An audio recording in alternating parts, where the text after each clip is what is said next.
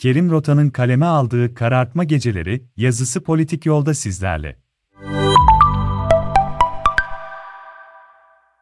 Karartmanın anlamını Google'da aratınca aşağıdaki sonucu elde ediyorsunuz. Savaş durumunda düşman uçaklarından korunma amacıyla ışıkları örtme veya söndürme biçiminde alınan önlemlerin bütünü. Benim nüfus kağıdım Kıbrıs Harekatı sırasında uygulanan karartmayı hatırlamaya yetiyor. Ailedeki büyüklerin 2. Dünya Savaşı'ndan kalma karartma tecrübesiyle hükümetin verdiği talimata hızla adapte olmuştuk. Evimizdeki bütün ampulleri siyah veya lacivert kağıtlardan oluşturduğumuz şapkalarla kaplamıştık. Gece olduğunda evden dışarı ışık diye perdeleri tamamen kapatır. Açık renk perdesi olan pencereleri de önceden hazırladığımız defter kitap kaplamaya yarayan siyah veya lacivert kağıtlarla bantlardık. Akşamları evi karartmaya hazırlama görevi bana verilmişti. Sabahları da pencerelerden kağıtları yırtmadan sökmek benim işimdi. Özellikle akşamları görevimi büyük bir titizlikle yapar, Hatta evde ampuller açıldıktan sonra sokağa çıkar ve sızıntı olup olmadığını kontrol eder geri dönerdim. 1974 yılının teknolojisinde karartmanın olası bir saldırıda hedef şaşırtmaya bir faydası olabilir miydi sorusuna ancak askeri uzmanlar cevap verebilir. Radar ve yer tespit sistemlerinin 2. Dünya Savaşı'nda hızla geliştiğini biliyoruz. Bundan 30 yıl sonra hedefi bulmak isteyen bir düşmanın şehirdeki bütün ev ve iş yerlerinin pencerelerinin siyah veya mavi kağıtlarla kaplanmış olması nedeniyle başarısız olacağını pek pek düşünemiyorum. Yine de karartma vatandaşlara savaşta olduğumuzun bilincini ve ciddiyetini hissettirmek için etkili bir yöntem olsa gerek. Karartma gecelerinde her an tepenize bombalar yağabileceği endişesi taşıyor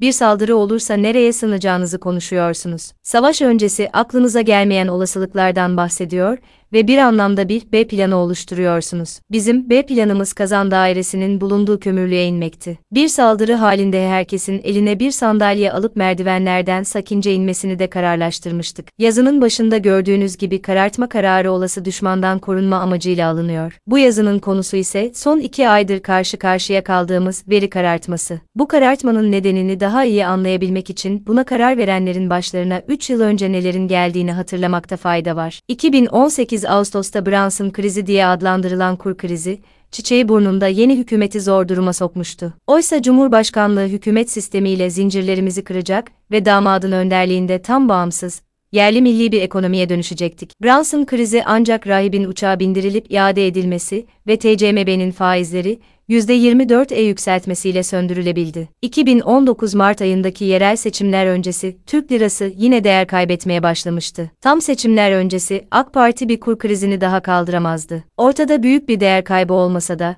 2018 Ağustos'ta alınan ders ile bu kez TCMB rezervleri satılarak yılanın başı büyümeden ezilmeye çalışıldı. Ne de olsa bu kez AK Parti'nin kasası İstanbul ve Ankara belediyelerinin muhalefete geçmesi ihtimali vardı. TCMB rezervleri satılırken önceki yıllarda olduğu gibi şeffaf bir şekilde ihale açılmadı veya doğrudan müdahale duyurusu açıklanmadı. Benim Kon Ahmet'in devri daim makinesi diye adlandırdığım yöntemle dövizler satıldıktan sonra TCMB değişik kanallarla aynı dövizleri borç aldı. O zamanki ekonomi yönetimi TCMB şeffaflığını ve verilerini karartarak yaptığı müdahaleleri gizleyebileceğini veya daha büyük piyasa etkisi yaratabileceğini hayal etti. Oysa işin sonunda veri karartarak elde etmeyi umdukları fayda yerine büyük bir itibar kaybı yaşadılar. Müdahaleler verilerini karartsalar da işin ortaya dökülmesi çok zaman almadı. İlk olarak bağımsız ekonomist Haluk Bürümcekçi TCMB bilançosundan kaçağı yakaladı. Ardından Uğur Gürses ve benim gibi medyada etkili kişilerin ısrarlı takipleri ve anlatımı ile mekanizma herkes tarafından anlaşıldı. Buna rağmen karartılmış müdahaleler 2020 Kasım ayında damadın istifasına kadar devam etti ve 128 milyar skandalı olarak Türk siyaset tarihindeki yerini aldı. Değişen bakan ve TCMB başkanı ile AK Partili yetkililer bu skandalın üstünü örtmek için çeşitli defalar mülakat verseler de ikna edici olamadılar. Ancak o günden 2021 Aralık ayına kadar bu yöntemde buzdolabına kaldırıldı. Lütfü Elvan'ın affedildiği ve Nureddin Nebati'nin atandığı gün Türkiye zaten yeni bir kur krizi içindeydi. Kur korumalı mevduat adı altında 1960'ların DCM dövize çevrilebilir mevduat uygulamasına benzer bir ürün ile kur krizi bastırılmaya çalışıldı. Yeni bakanın bunun yanı sıra buzdolabından kara kutudaki kapı arkası müdahale aracını da çıkardı. Atandığı gün ile kur korumalı mevduatın açıklandığı haftaya kadar olan sürede kapı arkası yöntemiyle